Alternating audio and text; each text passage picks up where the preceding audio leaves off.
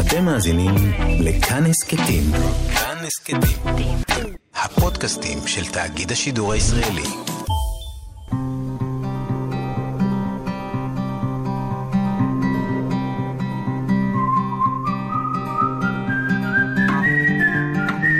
אחת פלוס חמש.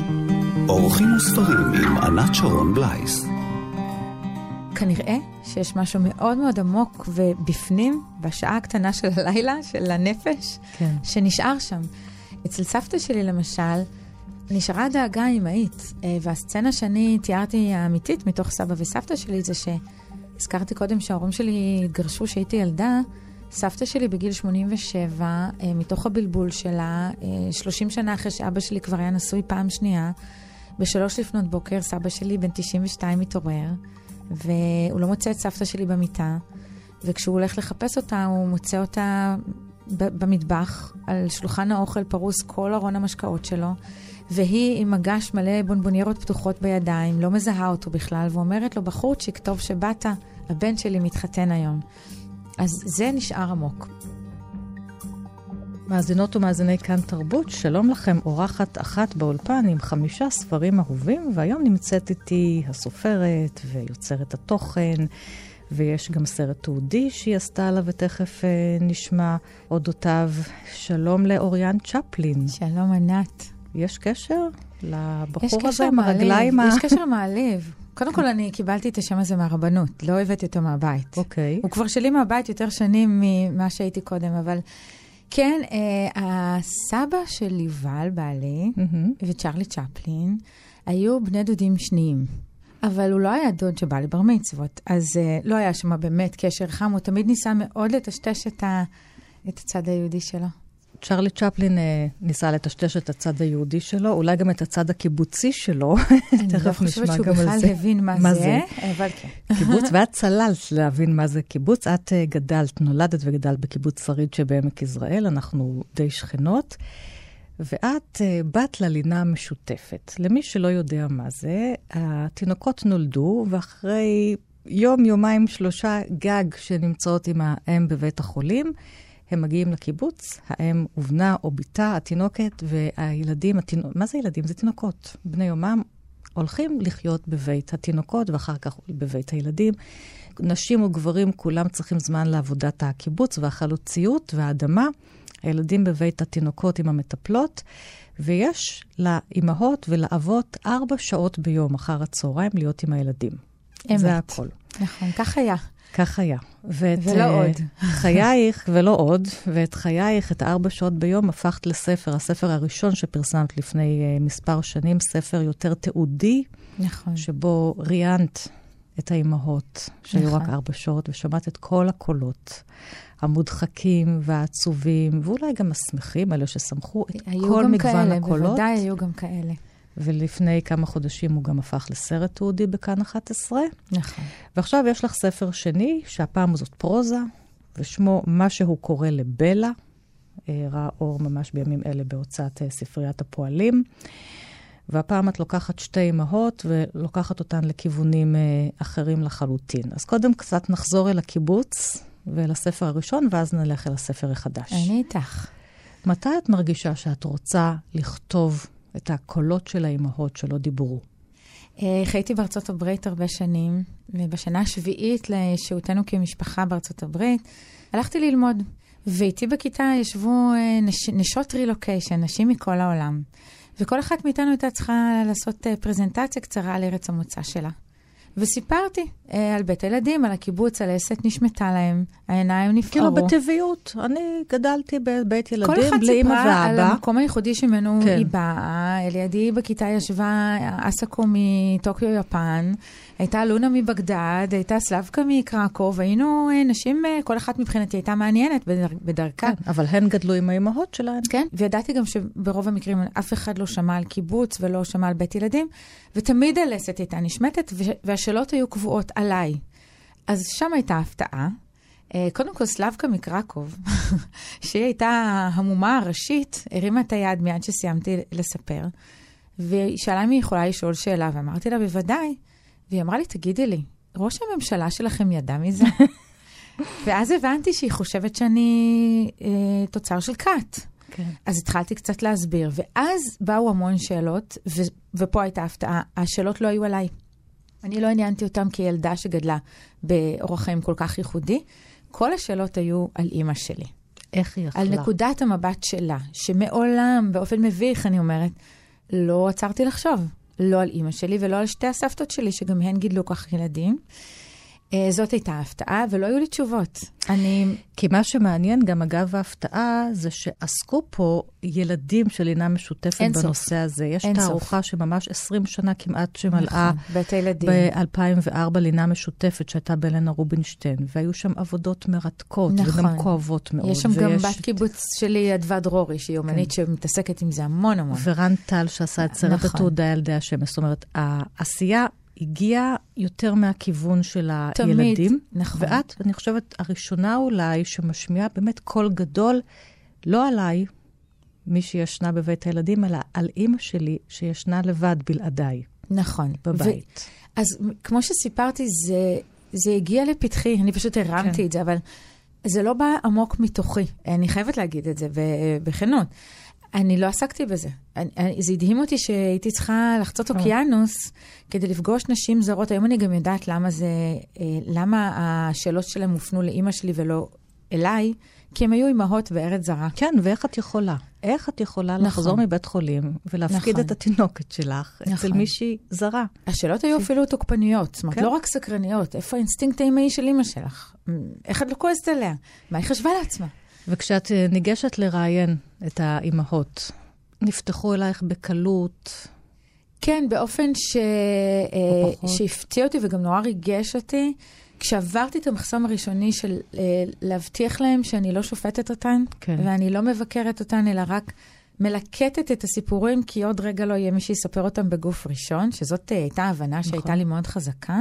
שזה מסמך היסטורי כמעט, אה, ואני לא היסטוריונית, אבל אני באה מעולם של נרטיב ושל סיפורים ושל... אה, ואת זה התחלתי אה, ללקט, והיה לי חשוב מאוד שהם יאמינו לי שאני אני צינור. אני אספר את הסיפור שלהם, אני אערוך אותו, אבל אני אספר אותו באהבה וללא שיפוט. אני מישהי מקווה שהצלחתי. התחרתה, אה, אחרי אחת. שהיא דיברה איתך ואמרה לך, אני לא מוכנה שתספ- כן, יש שתפרסמי? אחת שהתחרתה ויש אחת שאני החלטתי מתוך איזשהו כבוד אליה ולילדיה, שזה חשוף מדי וכמעט מסוכן הסיפור שלה. היא הייתה ניצולת שואה עם רקע מאוד מאוד קשה, והיא אמרה לי בכנות שאם לא היה בית ילדים, היא לא יודעת איך היא... הייתה מצליחה לגדל את הילדים. כן, והיא גם לא רוצה שוב. לדמיין מה היה קורה לתינוקות שלה. זאת אומרת שזה הציל אותה, השיטה הזאת. זה הציל אותה, אבל הסיפורים שלה היו... אה, חששתי לה. כי כן. רציתי את כולם עם שמן המלא, לא איזה א' מקיבוץ בצפון, כי אחרת זה היה נשמע כמעט לא אמין.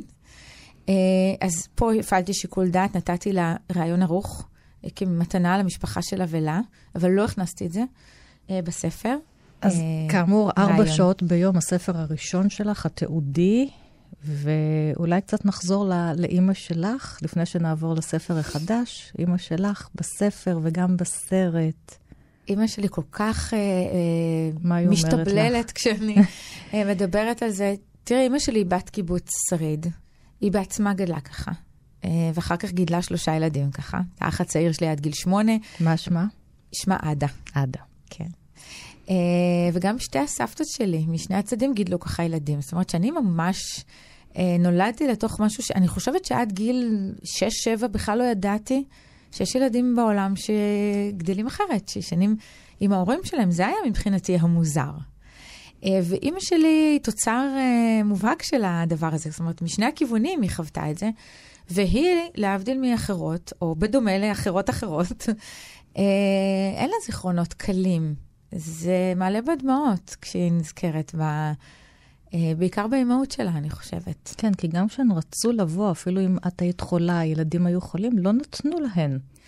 תראי, אני... הארבע אני, שעות, זה נכון, היו אבל אני אגיד משהו שאני ברורים. היום כבר יודעת, מתוך המסע כן. הארוך שאני עברתי, שדמות המטפלת, מהמם. היא הייתה דמות קריטית בעלילה. כלומר, מי שאימא, בעיקר לילד ראשון, שפגשה מטפלת חמה ומכילה כן. וסבלנית, כל הסיפור היה נראה אחרת. אחרת. והפוך, מי שפגשה שם אישה קשוחה, אה, אה, לפעמים אפילו אכזרית, כל האימהות שלה נצבעה בצבעים אחרים, אז צריך הרבה מזל גם, it's all about people. It's all about uh, mothers and women, ועכשיו אנחנו נכנסות אל הספר החדש שלך. יאללה. משהו קורה לבלה. ספר פרוזה, רומן ראשון שלך, אוריאן. בלה אה, הייתה זמרת אופרה נוצצת וזוהרת בתל אביב, אה, סוחפת את כולם, גם את עצמה בדרך זו או אחרת. רוב הזמן. והיא בהווה של הספר דמנטית, והיא מטופלת על ידי פסיכוגריאטרית בשם אה, גליה. שתי אנשים אה, אימהות. לבלה יש אה, ילדה אחת שעשתה אותה די בכוח, היא לא ממש רצתה, כי בלה היא במרכז והיא תופסת את כל הבמה, מה פתאום להיות אימא, אבל ינקלה, בעלה, אוהב, התחנן ובסוף היא הסכימה ואמרה לו, אוקיי, אני אעשה לך ילדה, אבל אתה תטפל בה. נעמי, וגליה היא אימא לשני ילדים, והיא מאוד קרייריסטית, פסיכוגריאטרית, אה, מאוד מפורסמת, היא נמצאת המון שעות בעבודה. אז הפעם יש כאן שתי אימהות שחיות עם הילדים שלהן בבית, אבל גם הן לא נמצאות שם יותר מדי. אחת עסוקה עם האופרה והמסיבות והזוהר, והשנייה עם הקריירה. כן, רק שאחת היא כבר בערוב ימיה, והשנייה היא ב- באמצע. באמצע החיים, ופתאום המפגש הזה עם, עם בלה כן. מייצר אצלה איזשהו הדהוד ואיזשהו משבר.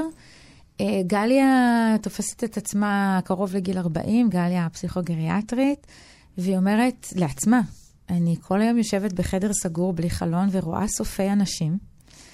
מה יהיה סופי?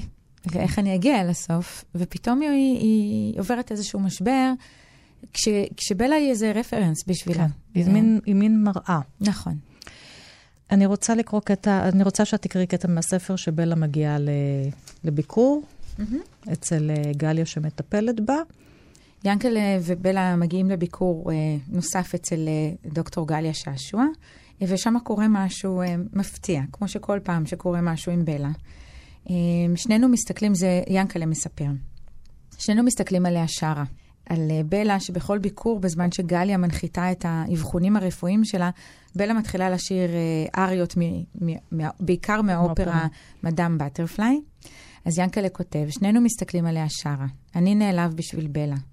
פתאום היא מפסיקה לשיר ויש שקט מוזר. בלה נועצת עיניים בדוקטור גליה. אני מתוח. בעיניים של בלה שוב מתמקם המבט מפעם, של בלה המקורית. שנינו מסתכלים עליה. דוקטור גליה אף פעם לא זכתה לראות את בלה החדה. אצלה בחדר היא עסוקה בשירה. מטפסת בקולה על הדברים, ופתאום היא מישירה אליה מבט כאילו ראתה אותה לראשונה. למה אתם מדברים עליי? בלה אומרת, והדם שלי קופא. איך לא שמתי לב שאנחנו מדברים מעל הראש שלה?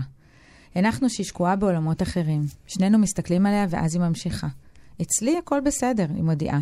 דווקא אצלה לא. והיא מלחסנת עליי מבט זחוח. עושה תנועת ראש לכיוונה של דוקטור גליה ומשתתקת. אני עמום. השקט נמשך עוד כמה שניות, ואז בלה מתרוממת ורוכנת לכיוונה של דוקטור גליה. עוד לפני שאני מספיק להגיב, היא שולחת יד זריזה ובוטחת אל עבר החלוק הלבן, פותחת לה את הכפתור העליון ומתיישבת. ככה יותר טוב, היא קובעת. אז בלה הדמנטית, שזיכרונה הולך ונפרם, ויאנקלה ממש מחביא אותה בבית, כי את האישה הגדולה הזאת מהחיים, אם אי אפשר עכשיו לתת לה לשכנים ולחברות ולכל הקהל בתל אביב לראות מה קורה לה, היא פתאום מבינה משהו שגליה לא מבינה. דווקא האישה השוכחת. כן, קודם כל, אה, ינקלה באמת מתבייש, אז כן. הוא לא רוצה שאף אחד ידע מה קורה לבלה, והם נסגרים במשך חודשיים ולא יוצאים מהבית, כן. אלא לביקורים אצל דוקטור גליה. גליה פתאום, אה, כשהיא פוגשת את אה, בלה, והיא הרי רואה הרבה סופי אנשים, משהו בבלה מאיר אותה, כי בלה, גם בתוך השכחה שלה, לא שוכחת לאהוב את עצמה. זה הדבר היחידי שנשאר אצלה, עמוק. היא אוהבת את, ה, את הגוף שלה, היא אוהבת את הקול שיוצא ממנה, היא אוהבת את מחיאות הכפיים. את זה היא לא שוכחת. ואצל גליה זה מאיר משהו מאוד מאוד עמוק, ומייצר אצלה משבר אישי ש... כן. שהיא תתמודד איתו בהמשך. מי זאת בלה? אז... הדמות בלה. אז, אז הדמות בלה היא דמות כמובן מוקצנת, כן. מעורבבת בין שלוש נשים שלפחות שאני מכירה. אבל כל הרעיון בכלל אה, מתחיל מסבתא שלי, אה, זיכרונה לברכה. אה, סבתא שלי מצד אבא, שבערוב ימיה הייתה דמנטית. וזה היה מפגש ראשון שלי כ- כאישה צעירה, כבר הייתי נשואה עם, עם ילדים, אבל עם, עם הדמנציה מקרוב, והיה אה, אירוע מסוים. אה, בין סבא וסבתא שלי, כשסבתא שלי בת 87 וסבא שלי בן 92, שנחרט אצלי כל כך חזק אה, וליווה אותי לאורך, אה, לאורך שנים, גם כשלמדתי כתיבת תסריט כתבתי את הסצנה הזאת, וגם כשכתבתי פעם ספר של סיפורים קצרים זה נכנס, והרגשתי שאני צריכה, שאני רוצה להבין מה הולך שם בראש, מה נשאר, מה עוזב. אז הסצנה הזאת גם נשתלה בתוך הספר כשנתתי אותה אה, לבלה לייצר. אה, מתוך הבלבול באמצע הלילה, מסיבת חתונה לגליה, הבת שלה, שהיא כל כך רוצה שהיא כבר תתחתן. לנעמי. לנעמי, סליחה. לנעמי, נכון. מוציאה את כל הכלים היפים והיין, אני חושבת שזה אולם חתונה. זאת הסצנה האמיתית של סבתא שלי. וסבתא כן. שלך עשתה דבר כזה, וגם בלה? זה, זה מתחיל מסיפור אמיתי. אבל uh, סבתא שלי לא הייתה אישה גדולה מהחיים uh, ואקסטרווגנטית כזאת כמו בלה. Uh, ערבבתי את, את הרעיון הזה של סבתא שלי עם אישה אחרת שאני מכירה, שהיא באמת הייתה מורה לפיתוח קול וזמרת אופרה. Uh, ועוד אישה אחרת, ש... אז עשיתי איזה ערבוב. Uh, מתוך תחקירים שעשיתי ושיחות שעשיתי עם פסיכוגריאטרים, הבנתי שאחד הדברים שנשארים מאוד מאוד מאוד חזק, גם אצל אנשים עם אלצהיימר ועם סוגי דמנציה מאוד כבר עמוקים, זה מוזיקה. עוד חוקרים את זה, זה עדיין נחקר, אבל זה, זה מדהים כמעט לראות שאדם דמנטי, כשמשמיעים לו שיר מהילדות, או שיר שהוא הכיר, אז הוא לא ישכח את המילים, הוא יצטרף וישיר. מוזיקה מאירה בהם משהו, כן. ולכן נתתי לה להיות זמרת אופרה, כי זה משאיר אותה מאוד חזק במה שהיא הייתה. בסצנה אחרת, הבית סגור ומסוגר, אף אחד לא נכנס, אבל המרפסת פתוחה, ויאנקלה לא שם לב, והיא יוצאת החוצה אל המרפסת, רואה אנשים למטה, ופשוט עומדת ומתחילה לשיר, נכון. ומחכה שימחאו לה כפיים, והיא חושבת שהיא על במת האופרה. נכון. ואחרי זה גם המס... המרפסת נסגרת. שאלת אותי קודם איך הייתה החוויה של הקריאה, ואם היה לי קושי עם הנושא של הדמנציה. ואמרתי לך שאני חושבת שאולי פחות, כי יותר ויותר סופרים בדור שלנו כותבים על דמנציה, וזה דבר מאוד חשוב, ובוראים לנו דמויות uh, בדויות או אמיתיות, וכותבים על הנושא הזה. Uh, אני חושבת שכן היה לי קושי עם האימהות. זאת אומרת, כל אחת מהן היא לא אימא עד הסוף, הילדים משלמים מחיר. ואז התחלתי לחשוב על עצמי.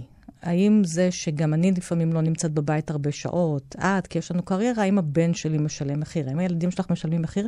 האם תמיד אנחנו צריכות לחשוב ככה, שאם יש לנו קריירה, נותרות מקום לעצמנו, לזהות שלנו, לא כאימהות, אלא כנשים, יוצרות, עובדות, האם בהכרח הילדים שלנו בבית ישלמו איזה מחיר?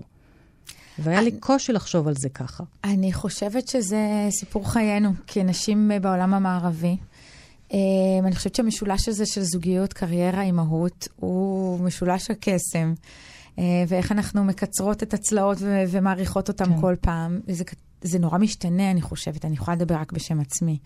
Uh, אני חושבת שזה משתנה בגיל הילדים ופיתולי הקריירה שלנו. אני יכולה להגיד שהרבה מאוד שנים האימהות אצלי תפסה מקום ראשון, בלי להסס. זאת אומרת, תמיד עבדתי, תמיד הייתה... שאלו אותך מי את, היית אומרת, אני אימא? כן. הם שואלים אותך תעודת זהות כן. ראשונה. אימא. זה נורא חשוב לי, ואולי זה גם כרפרנס לילדות שלי. זה אבל... גם היום ככה? כן, למרות שהם היום פחות זקוקים לי. אבל כן. אני גם לא שופטת אף אחת אחרת שזה אצלה אחרת, זה נורא נורא אישי. אני גם הייתי רוצה אה, ש- שילדים שלי ידעו את זה, זה כן. חשוב לי. אה, אבל אני לא ויתרתי על קריירה, היו שנים שהצטמצמתי, כן. שכשזה עמד בסתירה, בחרתי באימות. אבל השתדלתי תמיד אה, איכשהו לתמרן. אני חייבת להגיד שהשנים שחייתי בארצות הברית היו יותר קלות מהבחינה הזאת, בלהיות uh, אימא. לא הייתי צריכה להסביר ולהצטדק, מה שפה איכשהו תמיד הרגשתי יותר. שאני... למרות ששם אין לך את כל הכפר שעוזר לך. לא היה לי את כל הכפר, זה נכון. אבל יכולתי, הייתי משוחררת מציפיות uh, בעיני עצמי, כן? Uh, כי זה שאלות לפי דעתי שעדיין גברים פחות שואלים, נכון. למרות שיש גברים היום הרבה יותר בבית, ויש יותר שוויוניות, ואת רואה הרבה יותר גברים שחשוב להם שעות האבהות, לא רק ארבע שעות ביום. נכון. אה, אבל, אבל הם עדיין לא שואלים את השאלות נכון. האלה. האשמה הזאת היא שמה, היא אצלי. ואצל גברים זה עדיין לא, הפקעת הזאת לא קיימת שם. אז שוב, הזאת. אני באמת חושבת שזה, שזה בסוף ההתמודדות עם זה, ולהסכים להסתכל על זה, זה, זה מאוד מאוד אישי. ואני כן, אה, הנחמה שאני מוצאת בתוך הדבר הזה, שאף פעם לא מאוחר גם לחזור לקריירה ולגדל אותה מחדש. כן. אני עשיתי, במובן מסוים, כעשר שנים הייתה לי עצירה. כן. לא מוחלטת, אבל, אבל האטה. וחזרתי לארץ לפני שלוש שנים בדיוק. ומאז את פורחת וכותבת. והילדים שלי כבר גדולים, ופתאום uh, חזר לי ה... חזרת לשולחן הכתיבה. כן, חזר לי גם הזמן והתשוקה וה... כן. ונעמי, הבת, הלא הכי אהובה בעולם של אימא שלה, שבורחת לארה"ב כדי להשתחרר מהצל שלה, ואפילו צריכה להחביא את הזהות האמיתית שלה. לא נעשה ספוילרים. מי זאת נעמי? אז נעמי, אני חושבת, היא באמת, אה, היא צל של אימא שלה. אה, היא גדלה בת... בתוך, אה, בצל כבד, כן. והיא צריכה להרחיק אה, כדי למצוא את עצמה ולמצוא את האהבה שלה, אה, גם לעצמה וגם אה, את הזוגיות שלה. וקורים לה הרבה דברים במרחק, אבל כשבלה מתבלבלת, ואבא שלה נשאר מאוד בודד ומפוחד מתוך התהליך הזה, אז היא, אז היא חוזרת, כי יש לה איזו מחויבות כלפי אבא שלה, היא מאוד קשורה אליו, היא בת הברית שלו. לא, גבר כזה אין. נכון. כמו ינקלה, את מספרת איך הוא קולע לה את הצמא כל יום לבלה, הוא ממש באמת נותן את חייו אה, עבורה. אני יכולה להגיד שמי ש... המוטיבציה לכתוב על אה, אה, הגבר שקולע את הצמא, היא באה לי מאבא של בעלי. שקולע כל בוקר את הצמא של uh, אשתו, כבר 53 mm. שנה. וואו. היא גם חמותי, היא גם מופיעה על העטיפה של הספר. אישה עם צמא. היא אישה עם הצמא כן. שבעלה קולע לה, uh, ו- ולכן כשהיה ברור שאני uh, רוצה שעל העטיפה תהיה הדמות של בלה, היה לי ברור מי זאת הדמות החיצונית של בלה. וחמותי יורדת איתי לנגב, היא מצלמת שנית זריצקי. ואנחנו על uh, גבעה בגבעות גורל, מצלמות אותה מרחפת באוויר עם קומביניזון. Uh, וזה באמת איזה סצנה מתוך, ה, מתוך הספר. היא uh, כאילו ספק שרה לקהל, ספק מרחפת כמו במרפסת, ואולי נכון. זאת גם גליה, שבשלב מסוים מורידה מעצמה את כל הבגדים ובגדי ה... מדעי הרופאה, ופשוט משתחררת. מאמצת, מאמצת, מאמצת את הפרשנות הזו.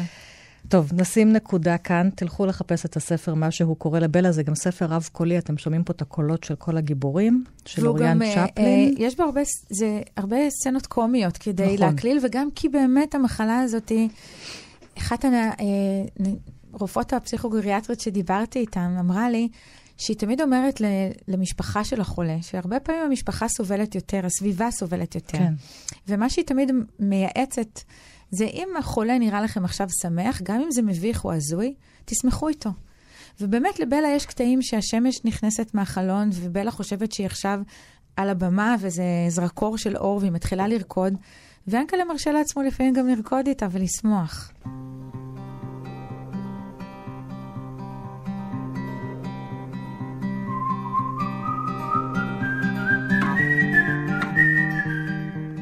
אוריאן צ'פלין, הסופרת, איתי באולפן עם חמשת הספרים האהובים עליה, יש לה ספר חדש, הרומן "מה שהוא קורא לבלה", שראה אור בהוצאת ספריית הפועלים, ואנחנו כאן משוחחות גם על הספרים שהשפיעו עליה והיא אוהבת. דיברנו על אימהות, דיברנו על ילדות, בואי נצלול אל החמישייה, חמשת הספרים שבחרת. נתחיל עם אורה הכפולה. Okay. ספר אוקיי. הילדים של אריך קסטנר מ-1949, אריך קסטנר שנשאר לחיות בגרמניה הנאצית. נכון.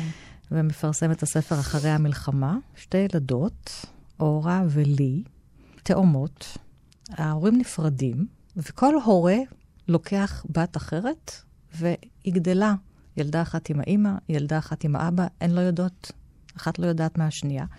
ויום אחד הן נפגשות בקייטנה. אז למה בחרתי את הספר הזה? כן. קודם כל, התקשיתי למצוא את העותק שלי. זה הספר היחידי שלא מצאתי את העותק, אבל הוא כל כך צרוב בי. אני חושבת שזה אחד הספרים הראשונים שממש uh, השפיעו עליי וגרמו לי להיות uh, ילדה שקוראת המון המון ספרים. ההורים שלי, uh, כמו ההורים של אורה ולי, נפרדו כשהייתי ילדה בת ארבע וחצי. אני אמנם גדלתי בבית הילדים, אבל, וזה היה די נדיר בקיבוץ של נכון. שנות, ראשית שנות ה-80, נכון. הורים גרושים. ואבא שלי עבר לחיות באנגליה, הוא עד היום חי באנגליה. אז קודם כל נורא אהבתי את הספר הזה. אבל גם קצת קיוויתי שאולי גם לי יש אה, איזה תאומה זהה, שיום אחד אני אפגוש אותה באיזה קייטנה. אה, אז ניסיתי לחשוב איזה ספר גרם לי להיות אה, אוהבת ספר, אז, אז הוראה כפולה. כן, אחר כך הן, אה, כשמסתיימת הקייטנה, הן עושות, אה, מענישות את ההורים שלהן, וכל בת אחרת הולכת, חוזרת. אני לבית חושבת אחר, שיש פה איזה קריאת תיגר. גם של הבנות האלה, למה לא גילו לנו את האמת? נכון. אה, ואם לא גילו לנו, אנחנו נמצא אותה לבד, ואנחנו... אה, וזה מאוד משקף את ה, שוב, את הלינה המשותפת בקיבוץ, להיות ולא להיות עם ההורים. הנה, את רואה, את חושבת, אה, את עושה בשבילי כישורים שלא חשבתי, ואני מאמצת. כן, וגם אולי בקונטקסט גם של מלחמת העולם השנייה וכל ההתפרקות המשפחתית-אנושית בכלל שהייתה שם. אבל יש תיקון, הן מצליחות לתקן. כן, הן גורמות להורים. אה, אז הנה, אולי זה גם היה איזה משאלת לב תמימה של ילדה, שאולי ההורים שלי עוד יום אחד תהיה לי תאומה, והם יחזרו לחיות. ביחד. הוא- הוא- אני מרגישה אותו בגוף, כאילו, את ה- את ההרפתקה הזאת ואת המחשבה שאולי באמת, אה, גם אצלי זה יהיה ככה. את זוכרת מי הביא לך את הספר? אגב, אימא או מטפלת או מצאת אז ב- קודם כל בבית הייתה לנו הספר? ספרייה בקיבוץ, ספריית כן, ילדים מדהים. קראו לה. אני זוכרת עד היום את הריח שם, את שרה פרידמן, שהייתה אם שכולה, והייתה הספרנית הוותיקה, והיינו באים, ואני זוכרת את הריח הקרם הגוף שלה, עד כדי כך זה צרוב. ואז בפעם הראשונה נתקלתי את זה בספרייה, ואני חושבת שלקחתי את הספר הזה עשרות פעמים. אז אני אקרא עכשיו מתוך הפרק הרביעי של אורה הכפולה, על התעלול הזה שמכינות אורה ולי להורים שלהן, כאשר אה, כל אחת מהן בעצם תחזור לביתה של האחרת. מרגישים אתם מה מתרקם? התאומות החליטו להסתיר מהוריהן לפי שעה שהסוד גלוי להן. אינן רוצות להעמיד את הוריהן בפני הצורך להחליט לכאן ולכאן. ליבן אומר להן שאין להן הזכות לכך.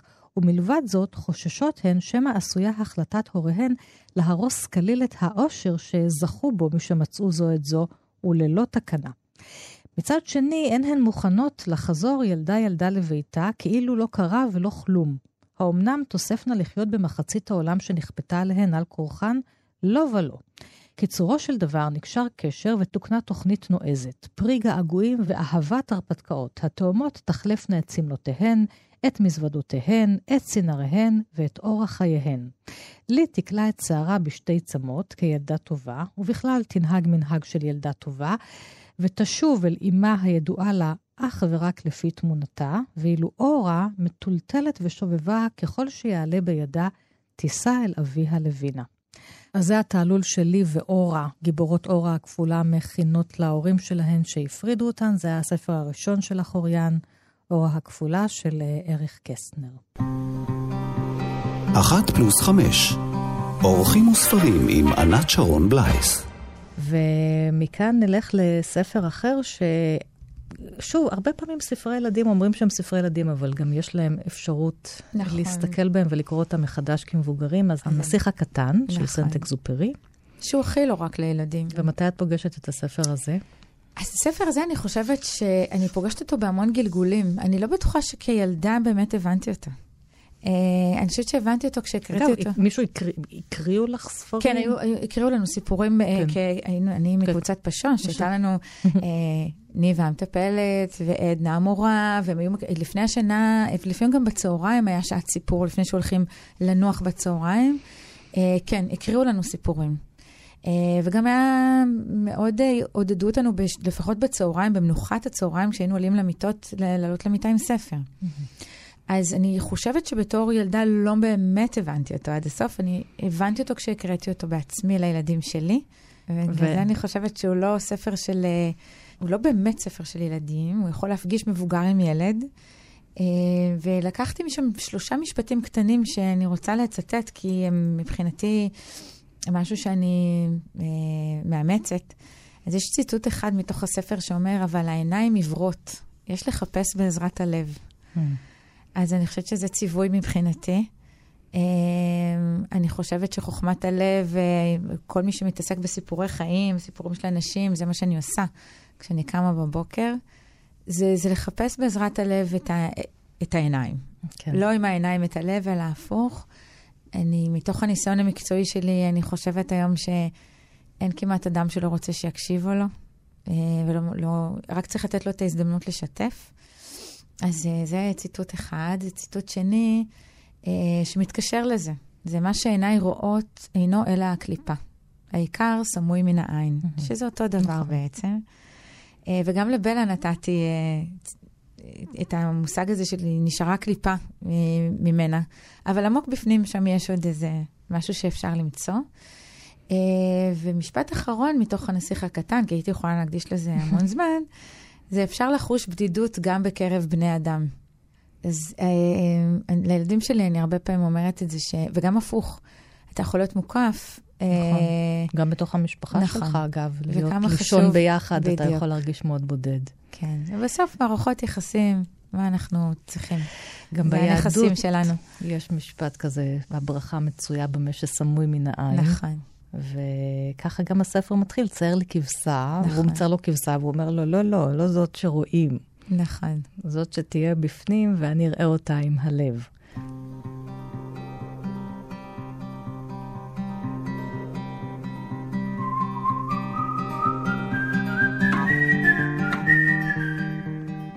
עכשיו הספר השלישי, האדם מחפש משמעות. אנחנו נזרקות לטריטוריה אחרת לגמרי של ויקטור פרנקל. נכון. והספר הזה נולד מתוך גיא הצלמוות כן, מהמקום הכי רע, כן, אכזר, נורא ובלתי נתפס. כן, הלוגותרפיה, מבוא נכון. ללוגותרפיה של הפסיכולוג, הפסיכיאטר ויקטור פרנקל, שהוא ניצול אושוויץ. נכון. אז uh, זה ספר שרק בבוגרותי, כמובן, uh, קראתי אותו פעם ראשונה, ושוב, גם אותו, אני חושבת שכנערה במגמת ספרות, עשיתי חמש יחידות בספרות, uh, לא באמת הבנתי עד הסוף. אני חושבת שאני גם, גם היום עוד יש לי כל פעם תובנות חדשות שאני קוראת בו, ואני חוזרת אליו הרבה. הוא uh, מתחיל עם הזיכרונות שלו מאושוויץ, נכון. הוא מתחיל בצורה מאוד מאוד קשה. נכון. הוא לא מרחם עלינו לא כקוראים. לא מרחם, ואחר כך משם הוא לוקח את הדברים לצד הפסיכולוגי. נכון, והוא בונה תורה שלמה, ש...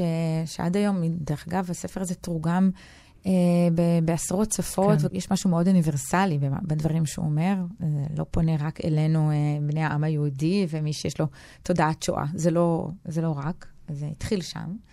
אז אני גם לקחתי ככה כמה ציטוטים קצרים, כי באמת זה ספר שאפשר לדבר עליו שעות. אז ציטוט ראשון זה שהוא אומר, אפשר ליטול מן האדם את הכל חוץ מדבר אחד, את האחרונה שבחירויות אנוש, לבחור את עמדתו במערכת נסיבות מסוימת, לעבור את דרכו.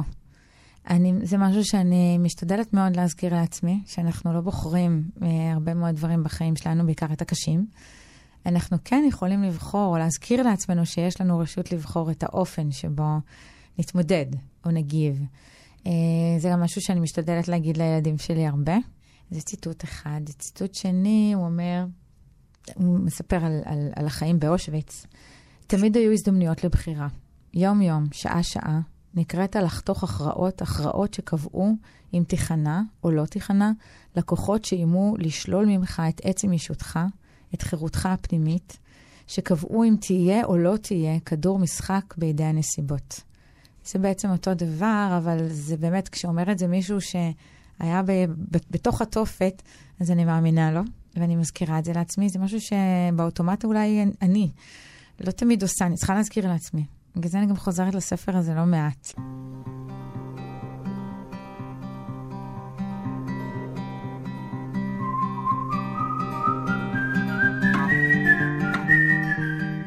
אנחנו נשארים באותו מרחב, עוברים לשמיים שבתוכי. היומן של אתי הילסום, שגמרה אור uh, במהדורה אחרת, uh, מוקדמת יותר, שקראו לה חיים כרותים. נכון.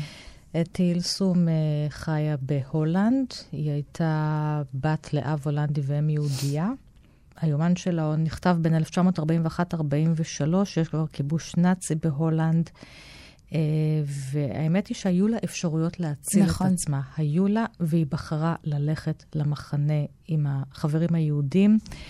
והיומן הזה מתחיל מאהבה מאוד גדולה, היא מאוהבת בגבר שגדול ממנה באיזה נכון. שניים, שלושה עשורים, וממנו נכון. זה עובר לאהבת אדם ואהבת נכון, אלוהים. זה יומן בעצם. מה, מהגוף והאהבה זה עובר מקפצה, ממש קפיצת הדרך. נכון. אל, מה זו אהבת אלוהים כשאת נמצאת במחנה ריכוז. נכון, אני חושבת ש... זאת אמונה. זה יום, אני, היומן שלה הוא פחות מוכר אה, מנניח מיומנה של אנה פרנק, כן. הוא גם לא דומה, אה, לא בגיל הוא, ולא... הוא יותר ויותר מוכר. פה בתוכנית הזאת, שכבר יש לי באמת אה, מעל 100 אורחים שהיו אותה? פה, הזכירו אותה כמה וכמה פעמים. וואו. כן. אז, אה, אז הנה, כנראה שהיא, אה, במובן מסוים, היא, היא חיה פה בינינו, כן. כי היא באמת אה, מסמך מרגש, מעניין, חכם. הייתה אישה צעירה, לא צעירה כמו אנה פרנק, היא בת דמותה הגדולה יותר, גם כן, היא מהולנד, גם היא... אבל עדיין צעירה. כן, אבל באמת, שלה, מה שמעניין 30. זה לקרוא את, ה, את ההתפתחות שהיא עוברת בהרבה מובנים. כדאי לקרוא את זה, זה באמת ספר רב שכבות. היא כותבת ככה, היא כבר בתוך המחנה. אלוהים, אלה זמנים קשים מדי לאנשים פגיעים כמוני. אני יודעת שעוד יבואו זמנים אחרים, זמנים אנושיים. אני רוצה כל כך להישאר בחיים, כדי שאוכל להעניק לאחרים את כל הרגשות האנושיים הנשמרים בתוכי, למרות כל מה שעובר עליי יום-יום. ואין דרך אחרת להתכונן לקראת הזמנים החדשים, אלא בליבנו. ואי שם בתוכי מצויים אור וכוח ואהבה, שאינם מותירים מקום למרירות. והיא ממשיכה. שזה שוב, זה מדהים אישה צעירה בתוך מקום כזה, ועדיין יש בה איזו תקווה ואמונה ב, באנשים ובימים טובים שיגיעו. נשגב מבינתי. ודיברת על בחירה קודם, והיא בוחרת הבחירה, היא בוחרת ללכת. היא בוחרת ללכת ובוחרת בתוך זה להאמין שיבואו עוד ימים טובים. כן. ומווסטרבורק, שזה המחנה שהיא שהתה בו בהולנד, בסוף היא נשלחת אה, לאושוויץ, נכון. ושם אה, היא נרצחת, אבל בשלב מסוים היא כנראה מבינה שהיא הולכת אל מותה, כי היא מפקידה את הדפים של היומן. נכון. והם אה, נשמרים, ומאוחר יותר אה, רואים אור, וזוכים רוצה... להצלחה בכל העולם נכון, גם. אני רוצה להשתמש בזה, ב- להגיד שבאמת הכוח הזה של הכתיבה הוא מעל המוות. והנה, משהו ממנה אה, נשאר. נשאר כל כך הרבה שנים, ועדיין חי ופועם, ויש מי שקורא ומתרגש ולומד ומעביר הלאה. אה, זה יומן בסגנון אחר לחלוטין מאנה פרנק. לגמרי. זה גם גיל אחר. זה, זה גיל אחר, זה לשון אחרת, זה יכולת כתיבה אחרת. היא אישה אמיצה, פורצת דרך לזמנה, אה, מרתקת. מעניין מה היה קורה איתה. נועזת, כן. כן, מאוד נועזת. השמיים שבתוכי אתי הילסום. וגם השם הוא מקסים. גם השם.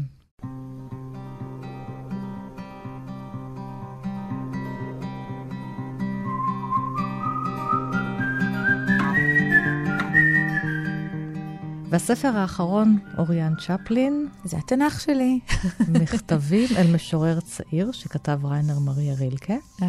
אחר כך וירג'יניה וולף גם בעקבותיו כתבה רשימה כזאת. אמ, רילקה, המשורר והסופר אה, הגרמני, קיבל יום אחד אה, מכתב מפרנס קפוס, שהיה בחור צעיר בן 19, הוא שלח לו כמה שירים, ביקש את חוות דעתו, ורילקה החליט לא לומר לו מה דעתו על השירים, אלא כתב לו איזשהו מכתב אישי, פילוסופי, על כתיבה בכלל, ואז זה הפך להתכתבות, הם עונים אחד לשני, וזה נמשך ככה כמה שנים טובות, מ-1902 עד 1908.